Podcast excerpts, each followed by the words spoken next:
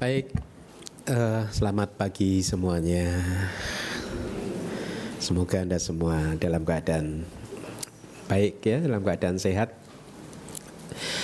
Kita bertemu lagi di kelas Pariyati Sasana untuk belajar dhamma ya. belajar dhamma itu sesungguhnya adalah kita mempelajari kehidupan ini. Sebenarnya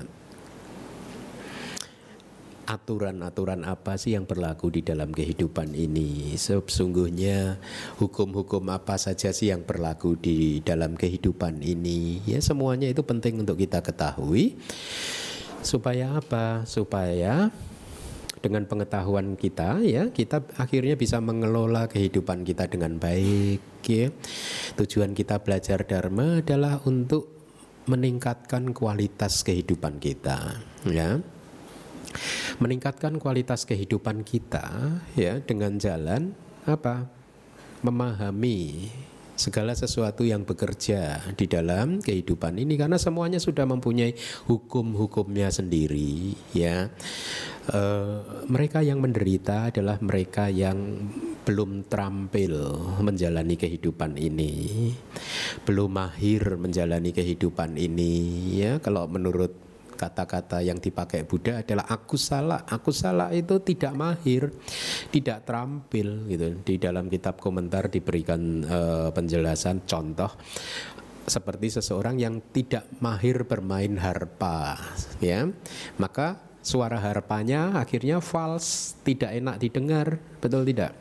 Tetapi sebaliknya seseorang yang mahir bermain harpa, maka suaranya akan menjadi indah, harmonis, ya. Jadi menyejukkan.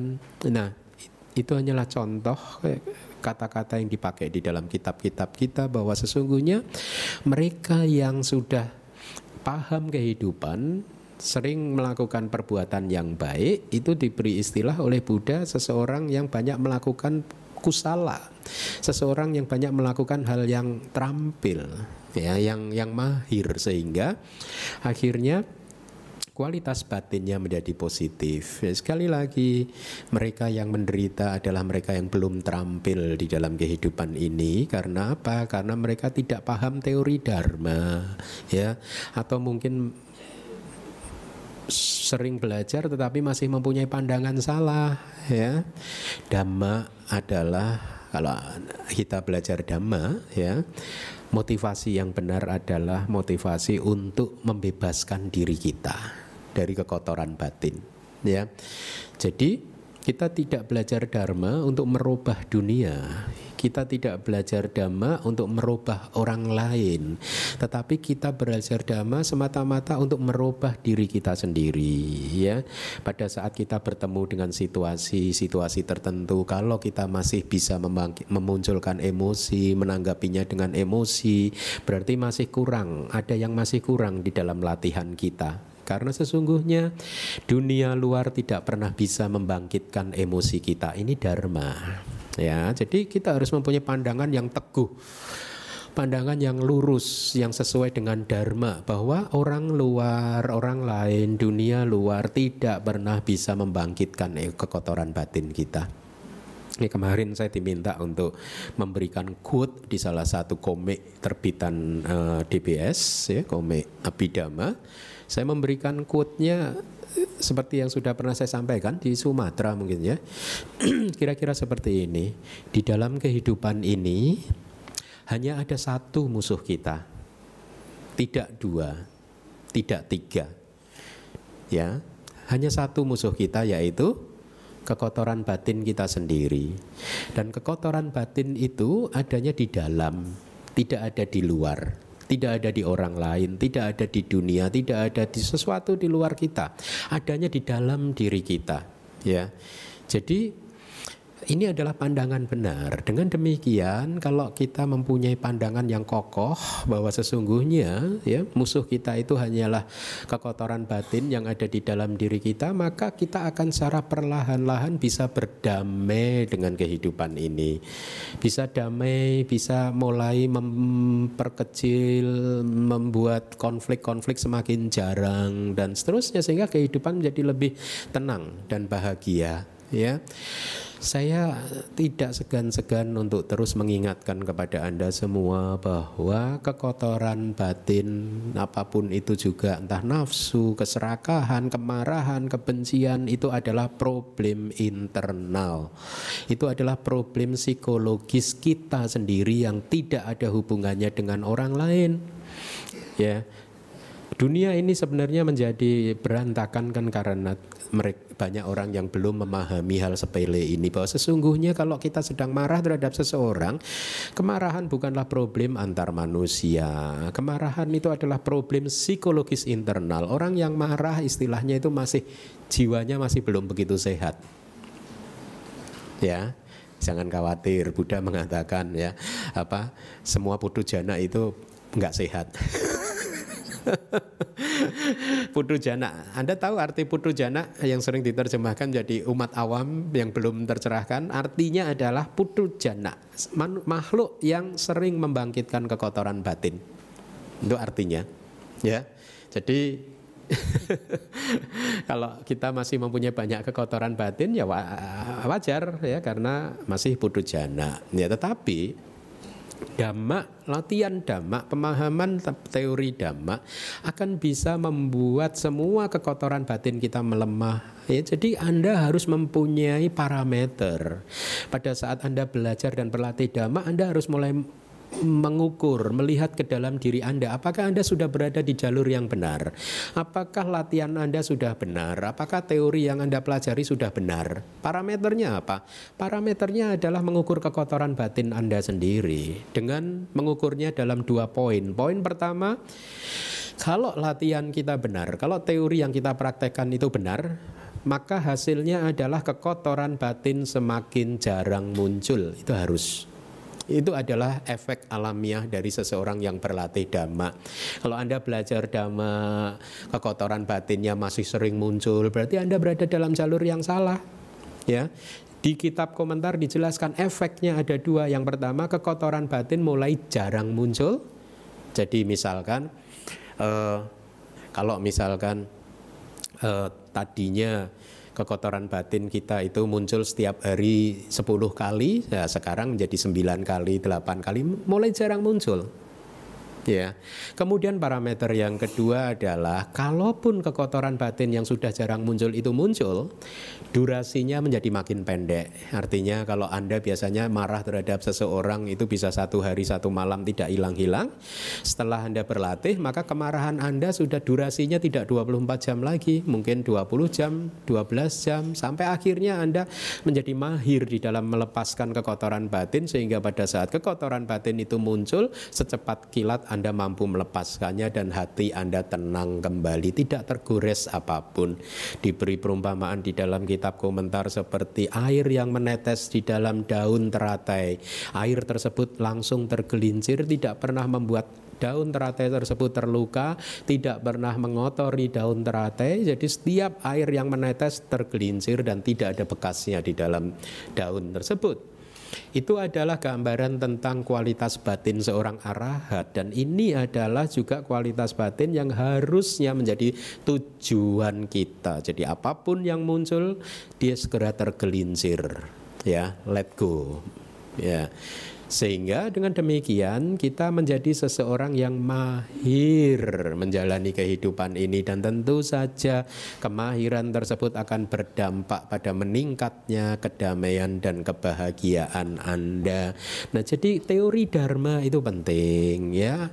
Sekali lagi kita belajar dharma bukan untuk merubah orang lain tetapi kita belajar dharma adalah masing-masing untuk merubah diri kita sendiri. Kalau Anda datang ke dalam di dalam kelas ini suami istri, maka suami istri harus saling mengingatkan ya. E, kalau salah satu sedang e, kekotoran batinnya sedang meledak, maka yang lain harus menjaga supaya kekotoran batin tersebut bisa segera sirna dan seterusnya gitu. Anda harus sama-sama mempunyai platform yang sama, pemahaman yang sama bahwa seseorang yang memunculkan kekotoran batin adalah seseorang yang sedang sakit secara psikologis. Memang tidak enak menerima kenyataan ini. tidak enak ya. Kadang kadang kenyataan itu menyakitkan ya. Oh berarti saya masih sakit ya Bante. nah Anda harus senantiasa secara terus menerus memeriksa batin Anda ya. Apakah Anda sudah mulai bisa menghadapi situasi-situasi sulit dengan semakin tenang ya, tidak reaktif seperti sebelumnya dan kemudian tidak hanya tenang tetapi juga membangkitkan kualitas yang positif, memaafkan ya, mengharapkan sesuatu yang baik terjadi pada bahkan orang-orang yang menyakiti kita gitu. Nah, dengan demikian maka dhamma yang kita pelajari dan kita latih uh, akan memberikan dampak dan kita tidak menyia-nyiakan kehidupan kita ya. Dan salah satu hukum yang bekerja di dalam kehidupan ini yang penting sekali untuk diketahui, jarang dipahami dengan benar oleh bahkan oleh umat Buddha adalah hukum karma. Kita sudah belajar sampai 8 kelas dan pagi hari ini adalah kelas yang ke-9. Sudah banyak sekali yang kita pelajari. Dan saya harapkan Anda terus mengulangnya ya karena materi ini kan di-upload di website juga ya. Anda harus uh, benar-benar bisa meresapi dan menghayati teori-teori yang sudah uh, Anda pelajari di dalam kelas ini supaya apa sekali lagi supaya kualitas kehidupan kita, kualitas kehidupan Anda meningkat. Anda bisa menjadi semakin bahagia ya sehingga dengan demikian kehidupan sebagai manusia ini tidak sia-sia. Ingat selama kita masih putut jana masih seseorang yang belum tercerahkan, belum Arya ya maka kelahiran berikutnya itu sangat terbuka sekali. Artinya terbuka, kita masih bisa terlahir di alam mana saja, termasuk di alam rendah. Hari ini kita masih bagus bisa terlahir sebagai manusia tetapi kalau kita tidak memanfaatkan kehidupan kita sekarang untuk bisa minimal mencapai tingkat kesucian sota pana maka kelahiran berikutnya masih terbuka pintu untuk terlahir di empat alam apaya masih terbuka mengerikan tidak? Ya, tadi kan kita juga membaca kan waktu mengambil sila tadi ya supaya kita terhindar dari keadaan-keadaan yang tidak menguntungkan itu salah satunya yang terlahir di empat alam apa ya? Ya atau terlahir di alam uh, Brahma yang tidak mempunyai tubuh jasmani itu juga tidak menguntungkan. Karena sekali kita terlahir di alam Brahma yang tidak mempunyai tubuh jasmani sebagai putu jana maka seumur hidup selama berada di sana kita tetap saja menjadi seorang putu jana. Tidak bisa atau tidak mempunyai kesempatan untuk menjadi seorang yang tercerahkan. Ya. Nah oleh karena itulah Sekali lagi, mumpung saat ini kita terlahir sebagai manusia dan mumpung juga masih bisa belajar dhamma, masih bisa belajar tripitaka, jangan disia-siakan kehidupan ini ya. Kehidupan ini sangat singkat sekali. Ya paling kita hidup 70 tahun, 80 tahun ya. Sejak umur 40 saya selalu merasa bahwa kehidupan saya sudah pendek sekali saya merasakan, saya selalu bicara sama orang tua saya gitu. Kok saya kok merasa hidup saya kok pendek gitu ya. Tapi bukan berarti ada ketakutan loh. Saya menikmatinya saja. Kalau pendek beneran ya oke okay, gitu. Malah kadang berpikir sebaliknya. Saya melihat seseorang yang umurnya udah 80 tahun, 90 tahun tidak bisa apa-apa gitu. Iya ya apa perlu ya hidup sepanjang itu. Terrible gak ya? Nah, saya kadang membayangkan kalau saya hidup sampai umur 90 tahun udah nggak bisa apa-apa gitu sejak umur 80 sampai 90 tahun nggak bisa apa-apa gitu. Nanti ada senior biku yang datang kepada saya memberi blessing Bante semoga panjang umur. What? panjang umur, panjang penderitaan. Enggak, bukan berarti kita menginginkan pendek umur. Tidak, apa pun pendek umur, panjang umur semuanya sama saja. Itu perilaku yang baik ya. Menerima keadaan dengan lapang dada apa pun yang terjadi terjadilah ya. Eh, kapan itu? Saya menyampaikan kepada beberapa umat gitu bahwa saya sungguh bahagia uh, puas dengan apa yang sudah saya jalani khususnya 15 tahun terakhir. Karena apa?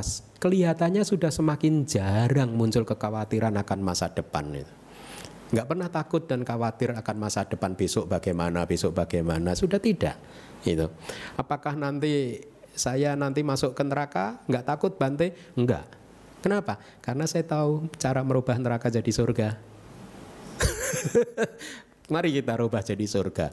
Neraka itu bukan alam ya. Memang benar ada alam neraka tetapi itu lebih mencerminkan kesamaan frekuensi dengan hati kita ya kalaupun kita ini unfortunate kita saya nanti terlahir ke neraka pastikan nanti saya kabarin. Saya saya akan rubah jadi surga ya dengan suasana hati yang baik dengan terus mengembangkan cinta kasih ya. Nah oleh karena itulah terhindar dari perasaan cemas takut khawatir akan masa depan ya. Sudah mulai tidak lagi banyak penyesalan tentang apa yang sudah terjadi di masa lalu. Lihat kehidupan yang seperti ini adalah kehidupan yang luar biasa damainya. Tidak ada penyesalan dengan apa pun yang sudah terjadi. Tidak takut dengan apa yang belum terjadi. Tidak khawatir dengan apa yang belum terjadi. Yang kita terus pusatkan adalah perhatian di saat ini. Setiap harinya saya harus berbuat baik, saya harus bermeditasi terus secara rutin dan disiplin. Saya harus membaca kitab suci secara disiplin, secara rutin dengan jam-jam yang sudah saya tentukan.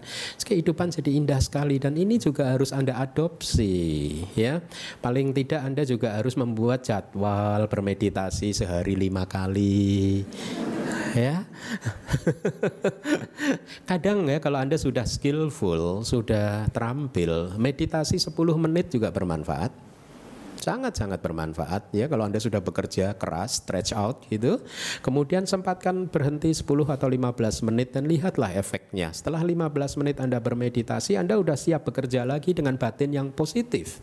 Dengan batin yang positif, tidak dengan batin yang dipenuhi oleh kekotoran batin.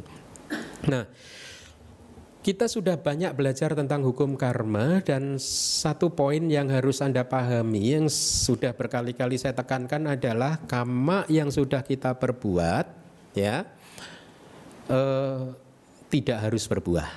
Kabar baik atau kabar buruk? Tidak harus berbuah. Baik atau buruk? Baik ya? Hah? bisa baik bisa buruk Bante. Kalau yang nggak pasti berbuah, dana-dana saya kemarin berarti nggak berbuah Bante. Iya, tapi memang sifatnya seperti itu. Apa yang sudah kita tanam belum tentu berbuah, ya. Oleh karena itulah kita harus merawat dan merawatnya itu adalah karma yang saat ini. Jadi kalau kita bicarakan berdasarkan atau kita bedakan karma sesuai dengan waktunya, kita bisa membedakan karma masa lalu dan karma masa sekarang. Mana yang lebih penting karma masa lalu dan karma sekarang? Hmm? Berarti yang lalu nggak penting ya? Iya, dua-duanya penting, tapi karma sekarang memang lebih penting. Saya sudah cerita tentang tiga ekor ikan belum? Belum ya? Pada suatu hari ada se ada tiga ekor ikan yang hidup di danau yang jernih di satu desa yang tenang, damai dan bahagia. Air danaunya biru, jernih, bening dan tiga ikan ini adalah tiga sahabat yang sudah bersahabat sejak lama sekali, sejak masa kecil mereka. Ikan yang pertama disebut sebagai ikan panya. Kebijaksanaan, ya. Ikan yang kedua disebut sebagai ikan wirya usaha. Ikan yang ketiga disebut sebagai ikan kama atau ikan karma. Nah tiga ikan ini panya wirya kama hidup sangat rukun di dalam satu danau yang jernih tersebut. Selama ber, setiap harinya mereka saling membantu ya mencari makanan bersama-sama sampai suatu ketika mereka bertiga melihat ada seorang apa itu? Yang seseorang yang ingin menangkap mereka. Ada satu orang yang membawa jaring. Ikan tersebut tahu bahwa Orang ini yang sedang berjalan menuju ke danau akan menangkap mereka, tetapi mereka tidak sempat kabur. Sehingga akhirnya singkat cerita mereka pun tertangkap di dalam danau, oh, sorry di dalam jaring dari orang tersebut. Mereka terjebak di dalam jaring, tidak bisa keluar. Mereka tahu hidup mereka akan habis. Tetapi ikan pertama, ikan kedua yang bernama ikan usaha, ya, karena si, dia adalah ikan wirya mempunyai energi yang besar maka dia menggunakan usahanya dia menggunakan energinya untuk merobek jaring tadi Dan singkat cerita akhirnya jaringnya robek. Begitu robek akhirnya ikan wiria bisa keluar dari jaring tadi. Melihat temannya keluar lolos dari jaring, ikan pertama yang disebut ikan kebijaksanaan berpikir, mikir. Ada lubang besar di jaring tersebut. Akhirnya dengan menggunakan kebijaksanaannya ikan tadi berjalan mendekati lubang dan akhirnya juga keluar dari jaring tadi. Akhirnya dua ikan lolos. Ikan yang ketiga yang bernama ikan karma. Dia tenang-tenang saja. Tenang saja karena dia berpikir bahwa saya toh di dalam kehidupan ini sudah banyak melakukan perbuatan baik. Ya, sering sering berdana. Setiap hari Minggu mendengarkan kelas pariyati sasana. Banyak karma baik yang sudah saya lakukan maka saya tidak mungkin celaka. Akhirnya dia tenang-tenang saja menerima nasibnya. Apa yang terjadi? Ikan tersebut berpindah habitat dari kolam yang uh, apa dengan airnya yang jernih pindah ke restoran di Taman Palem sana itu.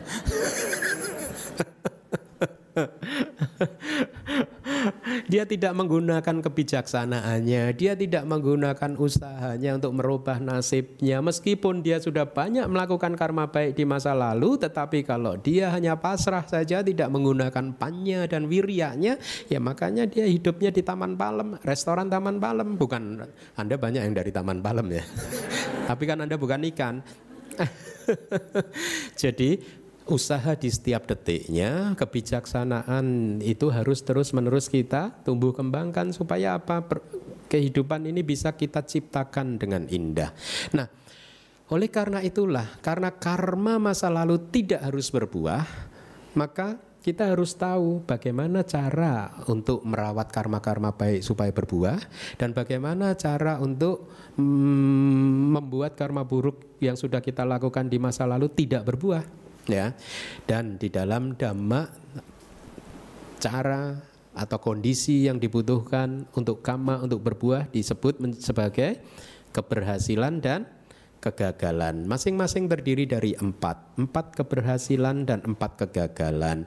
Rumusnya adalah kalau Anda mendapatkan keberhasilan satu, dua, atau bahkan semua dari keberhasilan tersebut, maka semua keberhasilan ini akan menyuburkan karma baik Anda dari masa lalu. Biji benih karma baik Anda. Sebaliknya kalau Anda mendapatkan kegagalan, maka kegagalan tersebut akan menyuburkan benih karma buruk pada saat benih karma buruk yang mendapat kesempatan untuk tumbuh subur, maka benih karma baiknya akan menjadi lumpuh, tidak mendapat kesempatan. Dengan uh, sebaliknya juga pada saat Anda mendapatkan keberhasilan, maka benih karma baik yang akan tumbuh subur dan sebaliknya benih karma buruknya akan lumpuh. Nah, kita sudah mempelajari itu. Hari ini kita akan lanjutkan keberhasilan atau kesuksesan yang ketiga adalah yang disebut sebagai keberhasilan atau kesuksesan waktu. Jadi penjelasannya dari kitab kita seperti ini. Seseorang mungkin akan terlahir pada saat pemerintahan itu dipimpin oleh seorang yang tidak baik, oleh raja yang tidak baik, oleh presiden yang tidak baik, dan juga dikelilingi oleh orang-orang yang tidak bermoral, mungkin menteri yang tidak baik, atau dalam konteks uh, kehidupan sehari-hari mungkin Anda bekerja di bawah pimpinan seorang yang tidak baik, dikelilingi oleh tim yang tidak baik dan seterusnya gitu. Anda bergaul dengan orang-orang yang tidak baik itu ya. Maka itu disebut sebagai kegagalan waktu, tetapi kesuksesan waktu adalah uh, seperti ini. Jadi seseorang banyak melakukan hal yang tidak baik atau kalau dia berada di kegagalan waktu ya dipimpin oleh seorang yang tidak baik dan dikelilingi oleh orang-orang yang tidak bermoral maka dalam keadaan seperti itu karma-karma buruk dari masa lalu akan berbuah satu persatu. Tetapi skenario nya berubah menjadi karena ada sebuah karma baik yang berbuah, dia terlahir pada waktu pada zaman pemerintahan dipimpin oleh seorang yang baik dan juga dikelilingi oleh orang-orang yang bijaksana. Karena kesuksesan waktu itulah maka timbunan biji karma baiknya akan mendapatkan kesempatan untuk berbuah. Sementara timbunan karma buruknya akan terlumpuhkan. Hukumnya seperti itu. Ya, saya harap Anda memahaminya. Contohnya adalah kesuksesan waktu kalau di dalam kitab itu dijelaskan yang pertama pada awal kapak, artinya awal bumi ini terbentuk. Kalau seseorang terlahir ya eh, di bumi ini pada awal alam semesta ini terbentuk maka dikatakan orang tersebut akan terus menerus memetik buah karma baiknya ya dia kan baru saja turun dari alam Brahma Abasara kan? Tubuhnya masih bersinar dan lain sebagainya. Yang ada hanya kebahagiaan saja. Ya penderitaan jarang muncul di dalam kehidupan manusia yang hidup di awal bumi ini terbentuk atau awal kapak. Kemudian yang kedua dalam kitab komentar menjelaskan hidup pada saat ada Raja Cakawati, Raja pemutar roda ini Raja universal, Raja penguasa dunia ini. Mungkin kalau zaman modern ini presiden dari negara adidaya yang menguasai seluruh dunia ini dikatakan di dalam kitab kita Raja Cakawati adalah raja yang sangat pious, sangat berbudi luhur ya dan juga mempraktekkan dhamma sehingga rakyat yang hidup di bawah kepemimpinannya hidupnya tenang, damai dan bahagia. Ya, jadi lihat ada hubungannya. Kalau kita mempunyai pemimpin yang baik, hidup kita jadi baik. Kalau kita mempunyai pemimpin yang tidak baik, hidup kita jadi bisa jadi tidak baik. Ya. Kemudian kesuksesan waktu yang ketiga di dalam kitab tafsir dijelaskan kalau kita lahir di zaman Buddha dan bertemu dengan Buddha, menjadi murid Buddha maka semua karma baik kita atau banyak dari karma baik kita akan berbuah. Sementara banyak dari karma buruk kita akan lumpuh tidak mendapat kesempatan untuk tumbuh subur dan berbuah. Dalam dunia modern saya beri contoh itu misalkan mereka yang terlahir atau hidup di negara-negara maju seperti Singapura, Australia atau negara maju mana pun ya. Yang saya tahu Singapura kehidupan di negeri tersebut, rakyat yang hidup di negara tersebut sudah sangat tertata rapi. Semuanya sudah ada kepastian hukum dan lain sebagainya sehingga manusia di sana khususnya para wanita tidak takut untuk berjalan di Singapura berjalan kaki tengah malam dan lain sebagainya. Hidup di sana nyaman-nyaman saja. Relatif orang Singapura lebih berbahagia daripada orang Indonesia ya Setuju enggak? Enggak? Enggak? Enggak juga ya? Ya. Oke, enggak apa-apa enggak setuju. hidup mereka lebih mudah ya dalam konteks seperti itu. Tentu saja kita tidak menganalisa secara perfect ya, tapi hidup mereka lebih nyaman ya, semua terjamin ya. Kalaupun ada satu dua yang merasa stres karena beban kehidupan yang makin tinggi ya wajar saja. Tetapi secara overall kehidupan mereka nyaman, lebih nyaman ya. Kenapa? Karena semuanya sudah rapi. Ya. Nah, bukan berarti orang-orang yang hidup di negara maju tidak mempunyai karma buruk. Hmm? Mereka mempunyai karma buruk, tetapi karena mereka terlahir di kesuksesan waktu, maka karma buruknya lumpuh. Ya, uh, ya. Orang Singapura itu sebenarnya punya apa sih negara Singapura? Huh? Dia dulu aja air aja nggak punya loh dulu. Air minum nggak punya loh. Apalagi mineral yang lain-lain. Air minum aja harus beli dari Malaysia gitu. Makanya dulu Malaysia sempat sewot dan awal-awal saya dengar gitu. Pintarnya orang Singapura dia beli air dari Johor, begitu sampai di Singapura dikemas jadi air mineral, kemudian dijual balik ke Johor.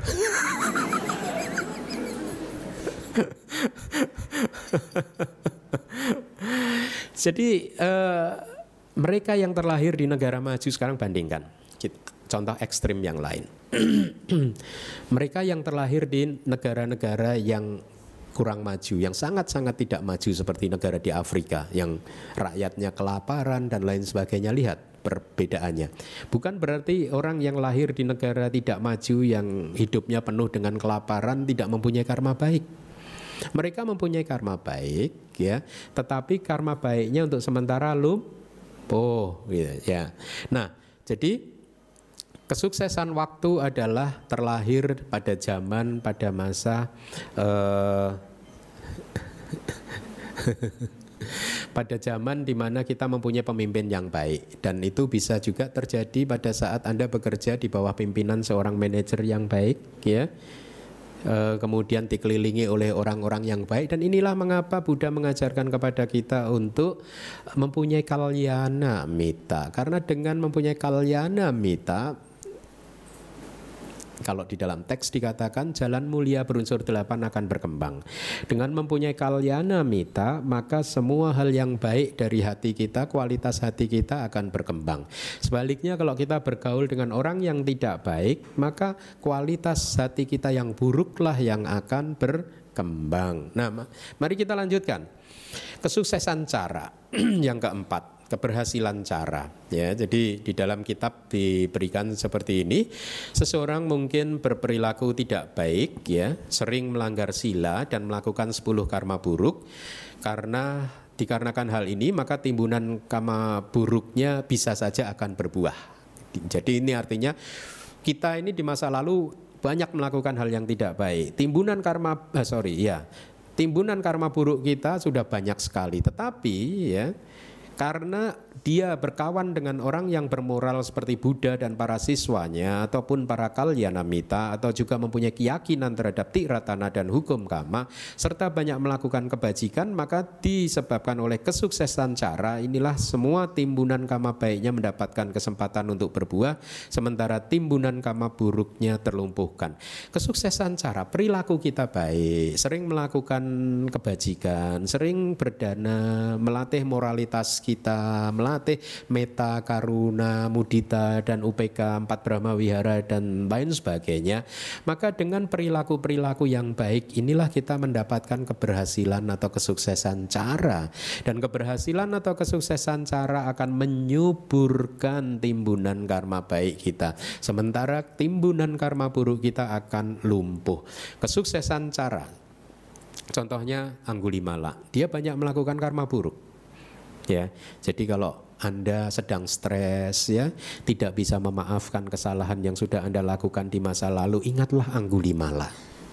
Ingatlah, Anggulimala yang membunuh 999 manusia saja bisa jadi arahat. Anda kan satu aja belum kan? Nggak maksud saya janganlah uh, apa hidup di masa lalu tidak bisa memaafkan kesalahan yang sudah anda lakukan. Ya kesalahan adalah kesalahan. Yang penting adalah bagaimana kita memperbaikinya di saat yang sekarang. Jadi Angguli Mala di bawah bimbingan Buddha dia berlatih sila, samadhi dan panya yang lebih tinggi. Dengan landasan tersebut dia berlatih samatha dan vipassana. Semuanya ini merupakan kesuksesan cara. Jadi lihat ini definisi kesuksesan cara. Ya, melatih sila, samadhi, panya, dana, sila, bawana, dana, sila, eh, samata dan vipassana. Kemudian eh, banyak menolong orang, itu juga kesuksesan cara. Ya. Angguli malah kemudian berlatih keras sehingga akhirnya mencapai pengetahuan jalan arahata yang merupakan kesuksesan cara tertinggi. Jadi kalau kita menjadi seorang arahat, maka kita telah mencapai kesuksesan cara yang tertinggi. Karena dengan menjadi seorang arahat, maka eh, kehidupan atau samsara dia setelah kehidupan ini dia akan keluar dari samsara. Sudah tidak ada lagi penderitaan yang akan muncul. Uh, uh, setelah dia keluar dari samsara. Catatan termasuk dalam faktor ini adalah melakukan tindakan yang sesuai dengan keadaan ya, melakukan perbuatan pekerjaan apa pun dengan sungguh-sungguh, kemudian sesuai dengan bidang Anda, maka itu adalah kesuksesan cara. Kalau Anda bekerja tidak sesuai dengan bidang Anda dan Anda mengharapkan berhasil agak sulit. Ya, lebih mudah Anda bekerja di dalam bidang Anda dan kemudian bekerja keras untuk mendapatkan hasil yang maksimal. Selanjutnya, kita akan masuk ke uh, empat yang berikutnya yaitu kegagalan. Kalau tadi kita sudah bicarakan tentang keberhasilan, maka kegagalan pun juga ada empat. Yang pertama adalah kegagalan tempat tujuan. Sebuah kama baik mungkin berfungsi sebagai kama produktif untuk menghasilkan kehidupan di alam bahagia, yaitu alam manusia atau alam dewa. Jadi dengan demikian timbunan kama baiknya akan mendapat kesempatan untuk berbuah, sedangkan kama buruknya akan lumpuh. Jadi ya kalau seseorang ada kama baiknya yang berbuah sebagai karma produktif dengan membuat dia terlahir di alam manusia atau terlahir di alam dewa, maka dengan kelahiran seperti itu banyak karma buruknya yang akan lumpuh sementara banyak dari timbunan karma baiknya yang akan berbuah satu persatu. Tetapi dia mengalami nasib yang kurang beruntung. Ada satu karma buruk yang berbuah yang akhirnya membuat dia terlahir di alam menyedihkan seperti alam neraka, alam binatang, alam hantu, alam jin, alam setan ya. Itu adalah yang disebut sebagai kegagalan tempat tujuan. Nah, dengan kegagalan tempat tujuan inilah maka timbunan kama buruknya akan mempunyai kesempatan untuk berbuah sementara kama baiknya akan lumpuh. Ya. Jadi dia akan mengalami penderitaan yang berkepanjangan. Contohnya adalah yang mulia Tisa. Dia adalah seorang biku, tapi biku yang penuh kedengkian. Saya suka membaca hal seperti ini untuk mengingatkan saya bahwa ternyata sebagai biku hidup saya juga nggak aman-aman amat ya. Masih bisa terlahir di empat alam bawah. Jadi ceritanya yang mulia Tisa ini uh, biku di salah satu wihara di hutan ya di Sri Lanka sana. Uh, yang mempunyai banyak umat gitu. Pada suatu hari dia kedatangan tamu seorang biku dari wihara lain dan meminta izin untuk menginap di wihara dia.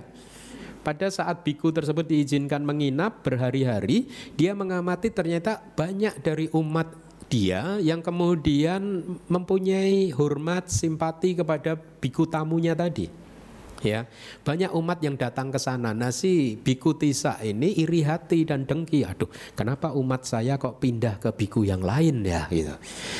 Ya ini nanti kalau misalkan anda pindah ke wihara lain gitu saya kok umat saya kok pindah ke sana ya? Gitu. Ini kan saya jadi yang mulia tisa ini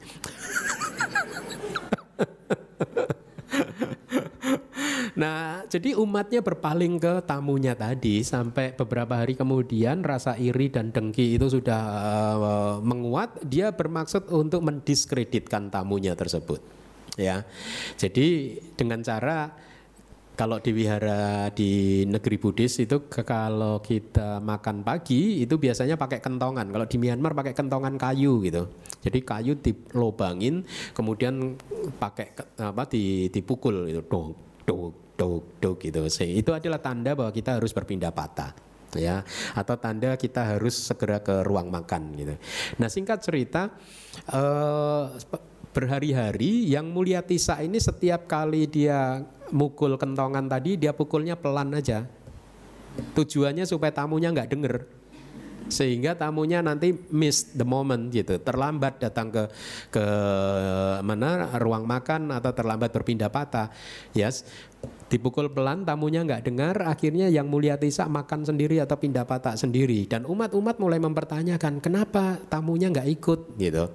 Yang mulia Tisa menjawab, nggak tahu tadi udah saya kentongin nggak bangun-bangun gitu. Nah, dia mendiskreditkan itu kan. Akhirnya tujuannya adalah supaya umatnya tidak hormat lagi kepada tamunya. Problemnya adalah yang mulia Tisa tidak tahu bahwa tamunya adalah seorang arahat. Jadi bobot karmanya itu berat sekali. Makanya Anda hati-hati. Meskipun biku tertentu adalah yang mulia tisa, Anda harus hati-hati karena persepsi Anda bisa salah. ya, lebih baik lebih aman respect kepada biku. Jangan tidak respect. Jangan-jangan nanti bikunya ternyata kayak tamu ini tadi arahat ya.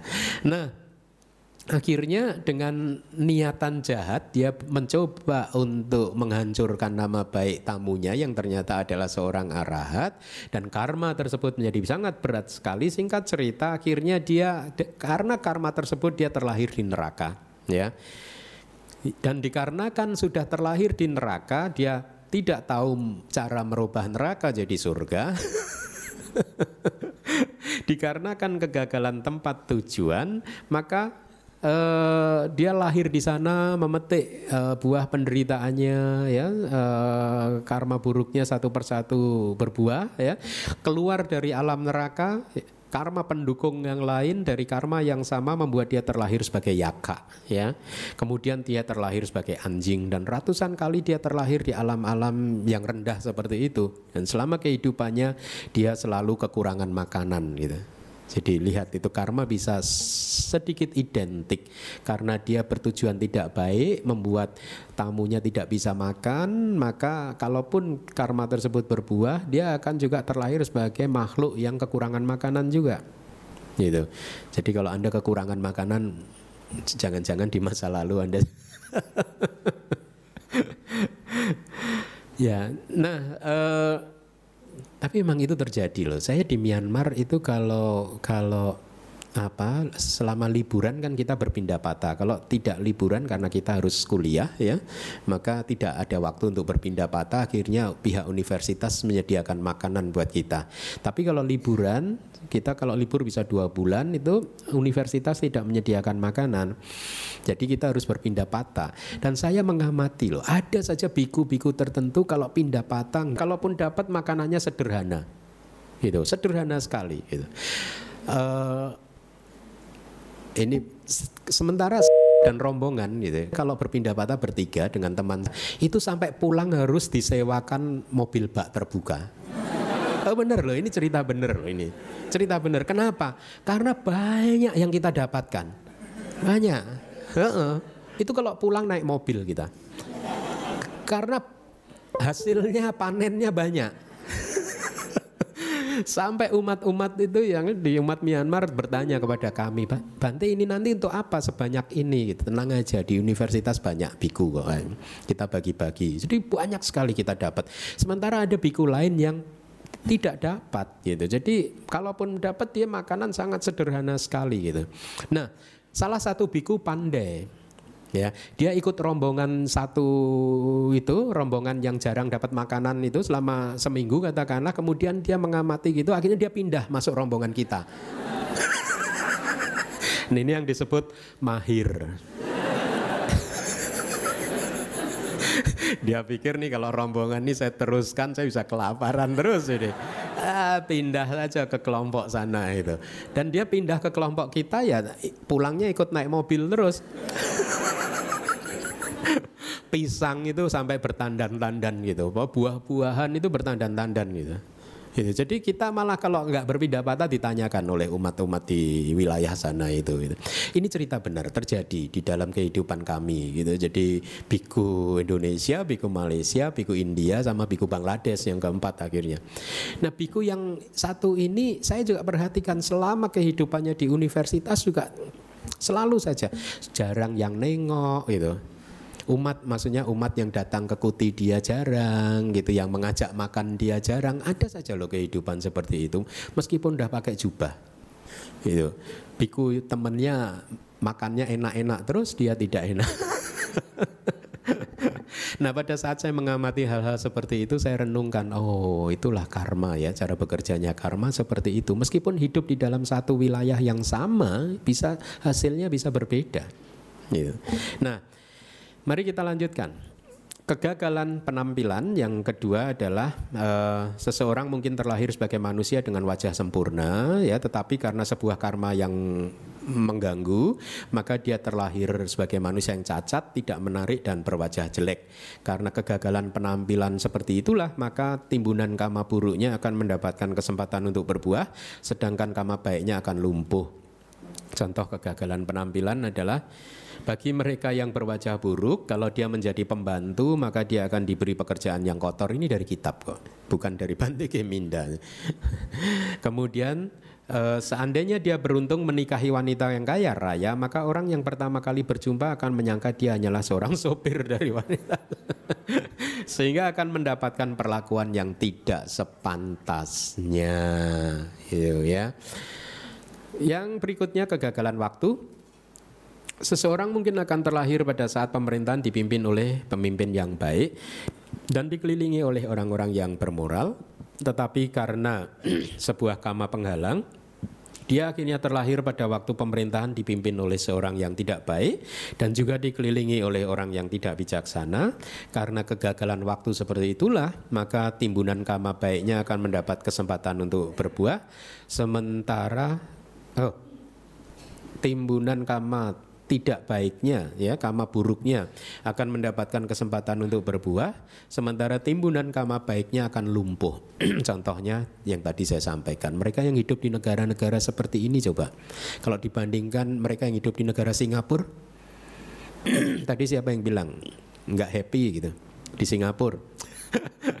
Kalau kita kontraskan dan keadaan seperti ini coba apakah mereka bahagia di sana kita memang tidak bisa mengukur secara pasti karena kebahagiaan dan tidak kebahagiaan uh, dan penderitaan itu tergantung pada suasana hati, ya, tidak tergantung pada dunia luar. Tetapi secara relatif Buddha juga mengatakan dalit yang bikawe dukang loka semingka bogino.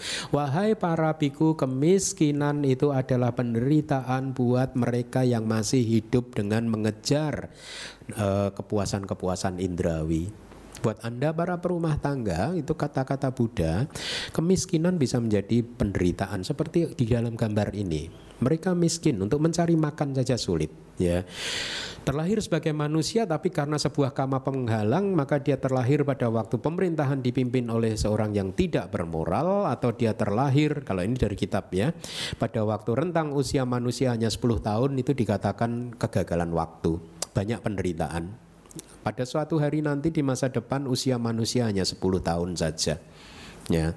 Atau ketika lima produk sapi ya dan seterusnya itu tidak tersedia artinya tidak ada makanan yang bergizi yang tersedia seperti di dalam gambar tadi tidak ada makanan yang bergizi akhirnya saya pernah membaca orang-orang yang hidup di negara ini ya sampai harus mengais-ngais sampah loh untuk hanya mencari makanan anak-anak itu atau mengais-ngais tanah gitu tinggal dikais-kais tanahnya hanya sekedar untuk menemukan makanan-makanan saja, makanan untuk mengganjal perutnya yang kelaparan. Lihatlah kehidupan sangat-sangat memprihatinkan kan, mengenaskan untuk hidup seperti itu.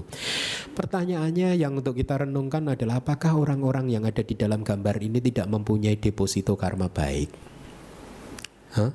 Mereka punya, bahkan mungkin lebih banyak dari jumlah deposito kita ya. Tetapi karena dia mengalami kegagalan waktu, sementara kita tidak mengalami kegagalan waktu dibandingkan dia, maka kehidupan kita relatif lebih nyaman, lebih enak, lebih tenang dibandingkan kehidupan mereka yang setiap hari harus berjuang hanya untuk mendapatkan makanan saja. Lihat, kurus kering seperti itu. Kita bisa membayangkan betapa susahnya kehidupan mereka, ya. Nah, kita pun juga seperti itu ya. Kalaupun saat ini kehidupan kita enak, sedang banyak kebahagiaan, bukan berarti tidak ada karma buruk di dalam arus batin kita yang sudah tertanam. Kita banyak mempunyai timbunan karma buruk, oleh karena itu kita harus hati-hati dan waspada. Oleh karena itu kita harus tahu cara untuk membuat timu semua timbunan karma buruk tadi tidak berbuah ya. Jangan sampai kita mengalami kegagalan waktu dan seterusnya. Jadi buat orang seperti ini meskipun terlahir sebagai manusia tetapi mereka hidup seperti binatang liar. Ya, ini dari kitab juga. Ya, ada meskipun seseorang terlahir sebagai manusia tapi kehidupannya seperti binatang. Karena perjuangan yang harus dia lakukan untuk menopang kehidupannya itu sangat keras gitu. Kita lanjutkan, yang keempat adalah kegagalan cara. Perilaku seseorang mungkin sangat bagus. Dia mematuhi sila dan sering melakukan 10 karma baik ya. Jadi hal tersebut adalah kesuksesan cara. Tetapi karena sebuah karma buruk, dia melanggar sila dan melakukan 10 karma buruk apa pun itu yang merupakan kegagalan cara, maka timbunan karma buruknya mendapat kesempatan untuk berbuah gitu. Sementara timbunan karma baiknya tidak mendapat kesempatan untuk berbuah. Contohnya adalah anak dari Mahadana. Ini contoh dari kitab suci kita. Dia bersama istrinya mempunyai banyak timbunan kama baik sehingga mempunyai kesempatan untuk menjadi lebih kaya lagi atau bahkan menjadi makhluk suci. Jadi Mahadana, anak dari Mahadana, Mahadana dana itu kekayaan maha itu besar. Jadi anak orang kaya di zaman Buddha dulu ini cerita terjadi di zaman Buddha ya. Yang laki-laki adalah anak orang kaya, kemudian pada usia muda orang tuanya menjodohkan dia dengan uh, perempuan yang juga merupakan anak orang kaya juga di, di kota yang lain. Jadi dua orang ini berasal dari keluarga orang terkaya dari dua kota. Sama-sama orang kaya menikah masih muda, yang laki ganteng, yang perempuan cantik. Tetapi apa yang dia lakukan? Sejak menikah kehidupannya dia habiskan untuk berfoya-foya. Hanya uh, apa membuat satu pesta dan pesta yang lain. Terus hidup dari satu pesta ke pesta yang lain, ya. Uh, sampai akhirnya di usia yang tua, ya dia jatuh miskin, harta bendanya habis dan dikatakan tidak uh, Buddha mengatakan bahwa akhirnya dia pun menjadi dua-duanya menjadi pengemis. Jadi bahkan untuk mencari makanan dia harus mengemis tragis sekali sebagai uh, dua orang anak yang manu, uh, dua orang manusia yang lahir dari keluarga yang kaya raya akhirnya harus menjadi pengemis dua-duanya. Nah kemudian Buddha menyampaikan uh, penjelasan kepada para biku seandainya dua orang tersebut di paruh usianya yang pertama dia melakukan hal yang baik, mengelola bisnisnya dengan baik, menjaga moralitasnya, maka dia akan menjadi pengusaha yang sukses. Atau kalau di paruh usianya yang pertama dia menjadi seorang biku dan bikuni, maka dua-duanya akan menjadi anagami. Itu katanya. Sudah. Tetapi karena di paruh waktu pertama 25 tahun pertama itu dia tidak manfaatkan, akhirnya eh, Buddha mengatakan apabila di paruh waktu yang kedua, jadi sejak umur 25 sampai ke dua berarti ke 50 ya, dia mengelola bisnisnya dengan baik, banyak melakukan perbuatan baik, maka dia masih bisa sukses gitu. Atau kalau di paruh waktu yang kedua ini yang laki menjadi biku, yang perempuan menjadi bikuni, maka mereka akan menjadi sakadagami. Gitu. Nah, tapi dia tidak melakukan itu. Kesempatan itu dilewatkan. Kemudian Buddha melanjutkan lagi. Atau kalau di paruh yang ketiga, mereka sadar dan kemudian memperbaiki bisnisnya, mereka masih tidak akan bisa jatuh sebagai orang miskin. Atau kalau mereka memakai jubah, maka dia akan menjadi seorang sotapana. Masih itu. Tetapi nggak sadar juga sampai tua umur 75. sampai akhirnya kesempatan itu lewat dan dia jatuh miskin kemudian eh, eh, bahkan kalaupun menjadi biku atau bikuni pun tidak akan bisa mendapatkan kemajuan apa pun. Maka lihatlah mumpung kita masih cukup ya kita umur kita kan belum ini ya. Jadi uh, manfaatkanlah waktu yang ada ya aturlah kehidupan kita. Mari kita mengatur kehidupan kita dengan baik, menjadi seorang yang mahir ya, mengelola kehidupan kita sehingga akhirnya kehidupan ini menjadi uh, berkembang, secara spiritual berkembang, secara duniawi juga berkembang ya. Jadi karena kegagalan cara maka dia hidup dalam kemiskinan di hari tuanya dan lihat akhirnya dia terlahir di alam neraka sehingga memberi kesempatan timbunan karma buruknya untuk berbuah ya. Lihatlah, tragis tidak sebagai anak orang kaya, ganteng, cantik ya, tapi akhirnya lahir di neraka. Masa tuanya menjadi seorang yang miskin. Ya. Termasuk di dalam faktor ini adalah melakukan hal-hal yang tidak baik, eh, kejahatan, ya, ucapan yang tidak baik, pikiran yang tidak baik, perilaku tubuh yang tidak baik. Ya. Ini kabar baik ini. Dengan semua pengetahuan dharma yang sudah kita pelajari, maka kita memanfaatkan pengetahuan tersebut untuk mengelola kehidupan kita. Dan kabar baiknya adalah kita adalah pencipta dari kehidupan kita sendiri. Itu kabar baik atau kabar buruk? Kabar buruk. Baik ya. Baik mana kalau ada yang menciptakan mengelola kehidupan kita. Kita serahkan pada orang lain atau diri kita sendiri? Diri kita sendiri. Kita adalah pencipta dari kehidupan kita sendiri. Oleh karena itu kita harus tahu bagaimana mengelola dan membentuk kehidupan kita sendiri. Maksudnya apa? Apa yang sudah terjadi kegagalan dan juga uh, uh, keberhasilan tujuan. Kita sudah mendapatkan keberhasilan tujuan yaitu sebagai manusia. Berarti sudah tidak bisa dirubah kan? Penampilan kita juga sudah mendapatkan Kegagalan atau keberhasilan? Hah? Masih gagal. Kalau masih gagal, pergi ke Korea Selatan. Bisa dirubah. ya. Jadi penampilan pun sulit dirubah, ya. Waktu bisa nggak dirubah? Hah? Ya bisa kalau kita pindah negara kayak tadi kan teman saya kan pindah patah di sini nggak enak pindah. kalau anda pindah dan itu terjadi beberapa kawan saya dari negeri-negeri negara Buddhis yang yang hidup nya di negaranya tidak baik, mereka mempunyai tekad bahwa sekali mereka bisa keluar dari negara tersebut, mereka tidak akan kembali lagi. Banyak kan yang akhirnya berpindah ke Amerika atau pindah ke mana pun, pindah ke negara maju. Mereka ingin memperbaiki nasib, sah-sah saja, pindah kok. Kenapa? Karena di sini nggak subur, dia pindah ke tempat yang subur, paham?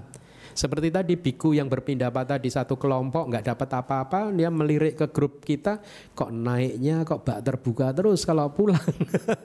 Akhirnya dia pindah, boleh nggak gabung ke sini gitu. Boleh. Kenapa? Karena dengan berada di lingkungan yang lebih baik, maka karma buruk akan lumpuh dan karma baik akan tumbuh subur.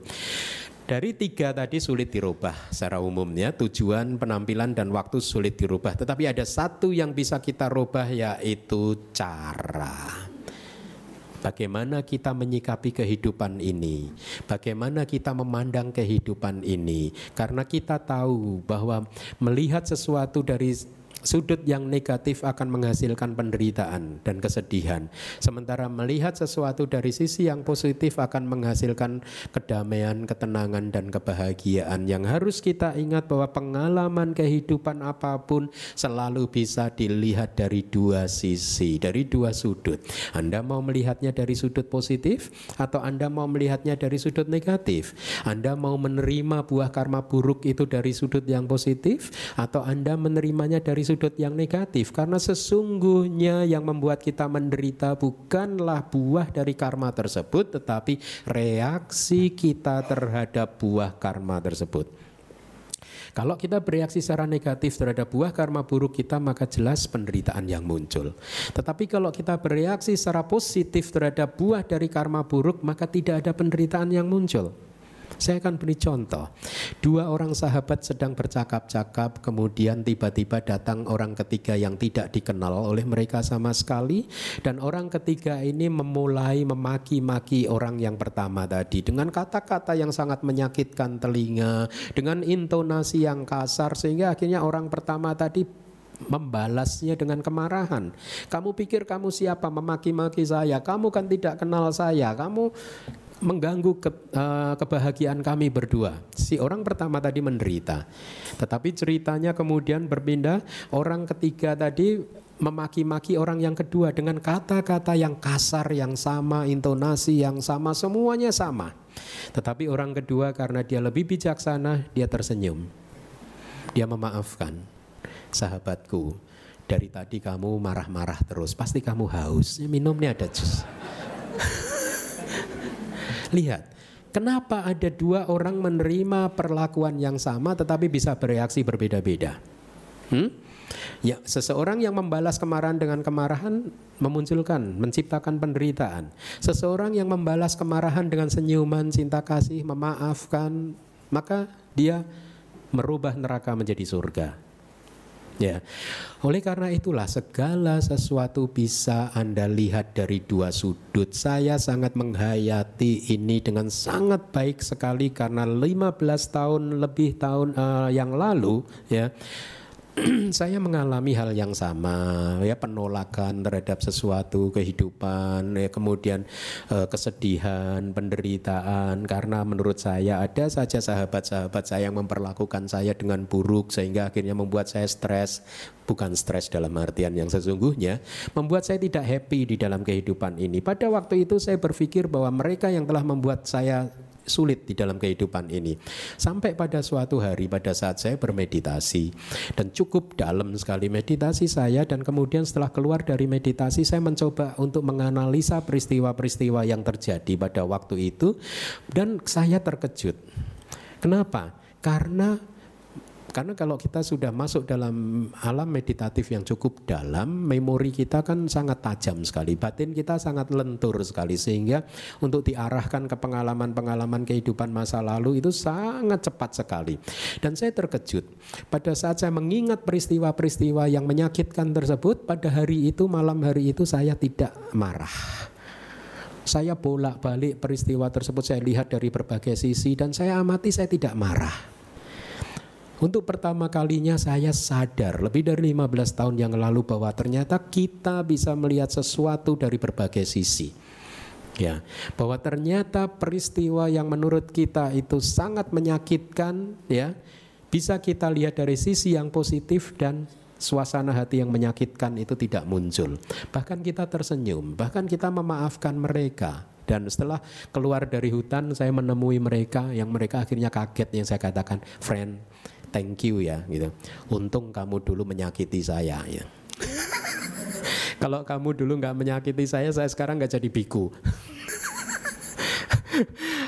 segala sesuatu bisa dilihat dari sisi positif dan sisi negatif. Apa pun itu juga. Jadi jangan terpenjara oleh masalah kehidupan Anda. Kalau Anda masih merasakan masih merasakan kesulitan, penderitaan, kesedihan, maka apa yang harus Anda lakukan? Rubah sudut pandang Anda. Cari sudut yang positif karena pasti di sana ada kebahagiaan. Cuman masalahnya Anda mahir atau tidak untuk merubah sudut pandang tadi. Kalau Anda bisa menemukan dan Anda terbiasa untuk melihat sesuatu dari sisi yang positif, maka dunia akan tampak indah. Ya. Jadi lihat dunia luar adalah cerminan dari dunia di dalam diri kita. Ya. Bagaimana Anda melihat dunia luar itu sesungguhnya adalah suasana hati Anda. Paham? Kalau e, contoh yang sering dipakai adalah kalau lensa kacamata saya ini berwarna merah, maka dunia akan tampak merah. Lalu pertanyaannya apakah salah dunia? Kenapa dunia kok merah semua ya? Salah siapa? Hah? Kalau ini berwarna hijau, maka dunia ke mana pun saya memandang akan tampak hijau. Lalu saya komplain, kenapa dunia kok tampak hijau sekali, ah, hijau semua, nggak ada merahnya sedikit pun ya. Yang salah siapa? Dunia atau kacamata saya? Kalau Anda di kantor kok melihat teman Anda menjengkelkan, itu artinya apa? Hah? Ganti teman saya menjengkelkan gitu. Artinya apa? Kacamata Anda kacamata menjengkelkan. Betul tidak? Hah? Nah sekarang tahu kan Anda nggak Tolonglah jangan ketemu saya komplain lagi lah. Karena saya akan jawab kacamata Anda tuh loh yang harus dirubah. Jangan kacamata komplain lah. Kacamatanya cinta kasih. Jadi tampaknya indah semua. Betul tidak? Hah? Bagaimana Anda memandang dunia itu sangat dipengaruhi oleh suasana hati Anda. Ya, jadi kalau Anda memandang dunia ini secara negatif, maka ke mana pun Anda memandang, ke mana pun Anda berada, di mana pun Anda berada, semua akan tampak uh, sebagai sesuatu yang tidak baik, sangat negatif. Apa yang Anda baca? Hah? Apa yang Anda baca? Hah? Hah? apa yang Anda baca sangat tergantung suasana hati Anda.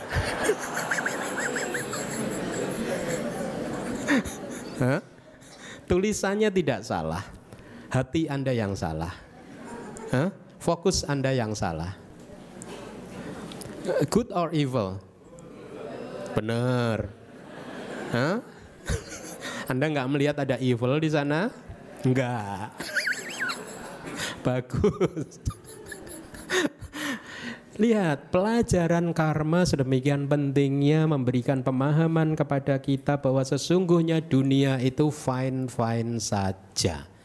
Ya. Yang salah adalah cara kita melihatnya.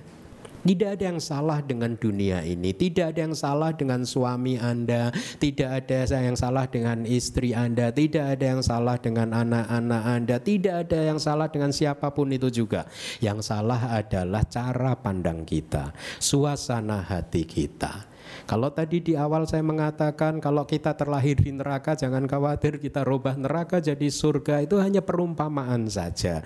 Artinya kalau di dalam kehidupan ini Anda merasa hidup seperti di neraka, maka geserlah sudut pandang Anda. Rubahlah sudut pandang Anda sehingga kehidupan yang seperti di neraka ini akan seperti atau terasa di surga karena sesungguhnya ya segala sesuatu sangat dipengaruhi oleh persepsi kita. Oleh karena itu kembangkanlah persepsi yang positif, kembangkanlah pemahaman yang positif untuk bisa melihat dan menerima segala sesuatu dengan positif, dengan penuh cinta kasih, dengan penuh kesabaran, apa pun itu juga. Ingat pelajaran dari hukum karma adalah bahwa tidak ada yang salah dengan sesuatu yang ada di luar diri kita ya karena kita terlahir dari karma kita sendiri, mewarisi karma kita sendiri, dan seterusnya. Dunia luar tidak ada yang salah. Oleh karena itu tadi di awal juga saya katakan, di dalam kehidupan ini hanya ada satu musuh kita, yaitu kekotoran batin kita sendiri. Hanya itulah, satu itulah musuh kita. Tidak ada dua, tidak ada tiga. Dan musuh kita tersebut ada di dalam diri kita sendiri. Tidak ada di tempat lain, tidak ada di luar diri kita. Tidak ada di suami Anda, tidak ada di istri Anda, tidak ada di anak-anak Anda, tidak ada di teman-teman Anda, tidak ada di kantor Anda, tidak ada di luar sana. Kalau Anda masih merasakan ada kejengkelan terhadap pengalaman kehidupan Anda, maka ingatlah pelajaran tentang hukum karma bahwa kesalahan tidak terletak pada pengalaman kehidupan Anda. Kesalahan ada pada pesawat televisi Anda sendiri. Kesalahan ada pada kita sendiri. Nah, lihatlah kalau masing-masing dari kita memahami ajaran Dharma yang seperti ini, bukankah bumi ini akan menjadi tempat yang indah untuk kita tinggali karena sudah tidak ada konflik lagi. Paham Kalau ada seseorang yang sedang memunculkan kekotoran batin, ya kemudian dia sadar, ah saya masih punya masalah dengan latihan saya masih ada yang kurang ya. Kemudian teman yang lain juga membantu supaya kekotoran batinnya itu menjadi sirna gitu. Ya, tapi jangan diambil sepotong. Oh berarti yang lain harus membantu supaya sirna ya Bante. Nah berarti ntar kalau saya marah istri akan saya kasih tahu kamu kalau pas saya marah kamu harus bantu saya supaya sirna ya gitu. berarti bukan berarti kita mendapat alasan untuk marah-marah terus ya. Tidak jadi dengan demikian, dengan senantiasa merubah sudut pandang kita, maka kita akan bisa meminimalkan kekotoran batin. Sehingga akhirnya kekotoran batin, dua poin yang tadi di awal saya sebutkan, poin pertama kekotoran batin semakin jarang muncul. Poin kedua, kalaupun muncul, durasinya menjadi lebih singkat, lebih pendek, tidak berhari-hari lagi. Dengan kehidupan, ya dengan demikian kehidupan akan jadi lebih uh, menyenangkan lagi.